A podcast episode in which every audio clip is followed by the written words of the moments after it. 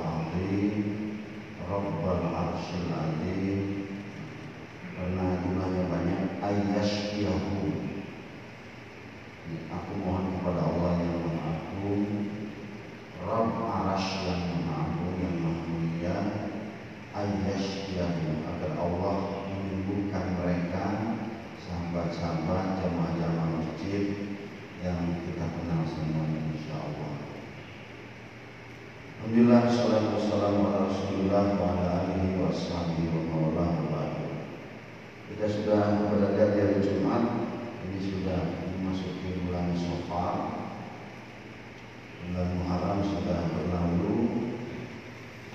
Mudah-mudahan kita diberi kekuatan dan kesehatan untuk terus meningkatkan iman kita. Selain meningkatkan ilmu kita. Semoga Allah Subhanahu wa taala menjaga keluarga kita dan orang-orang yang kita cintai dari Allah Covid ini insyaallah. Saya ingin melanjutkan materi tentang kewajiban orang tua kepada anak. Kita mulai dari poin pertama adalah soleh dulu sebelum anaknya soleh. Jadi contoh dulu sebelum memberikan contoh.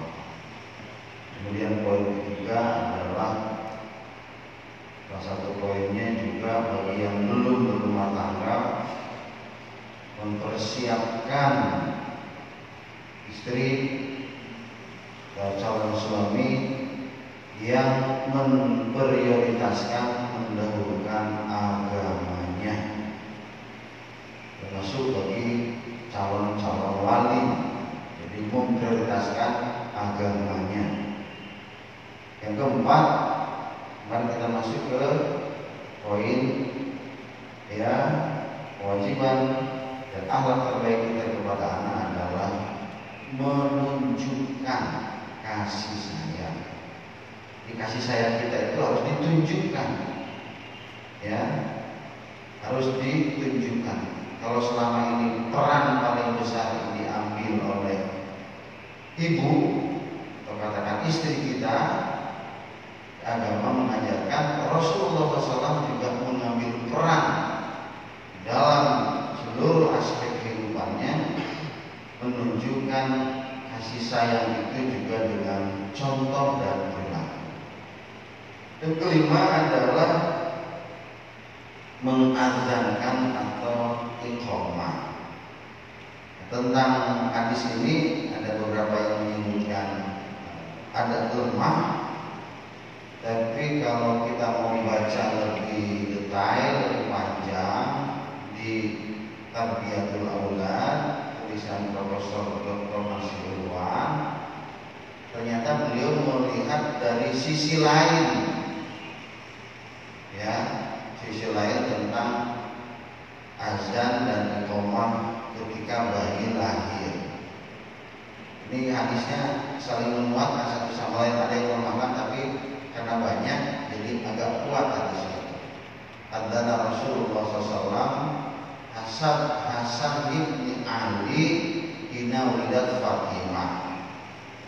Rasulullah mengadzankan pada telinga Hasan bin Ali berarti cucunya ketika Fatimah melahirkan. Ini hadisnya. Nah, saya ingin uh, kutipkan komentar Dr. Rasulullah saja dari sisi bahwa agama mengajarkan kepada seseorang yang baru terlahir agar merekam kalimat-kalimat thayyibah dulu. Nah, hari ini ya dunia barat juga meyakini bahwa bayi dalam perut saja itu bayi dalam perut. Jadi rock ya ya jadi rock. Jadi pemusik ya jadi musik. Mau diajar menjadi hafid diajarin didengarkan. Murotal itu diakui loh pak. Dunia barat saat ini. Maka ketika Rasulullah mengajarkan poin tentang mengazankan yang di telinga bayi yang intinya adalah biar bayi merekam kalimat-kalimat tayyibah ya dari azan itu ya. Karena jelas ya betul bahwa bayi itu merekam suara dan setiap peristiwa yang ada di dalam. Sebelum dia mendengar apa pun diperdengarkan kalimat-kalimat yang baik. Allahu Akbar, Allahu Akbar. Kalimat itu biar didengarkan oleh bayi. Ya.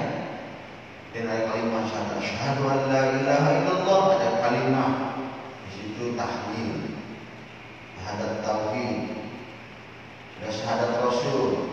Asyhadu anna muhammadar rasulullah ada syahadat rasul di situ ya ada panggilan hayya 'alas shalah ada hayya 'alal falah ya dan seterusnya dan seterusnya jadi dari sisi pendidikan agar bayi rekaman pertama yang menjadi basic sebelum mendengar suara apa pun, pengaruh apa pun adalah kalimat-kalimat thayyibah.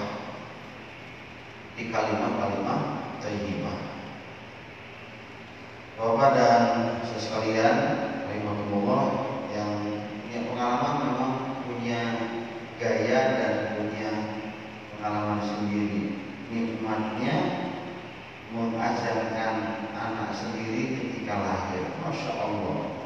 Itu dengan derayan air mata.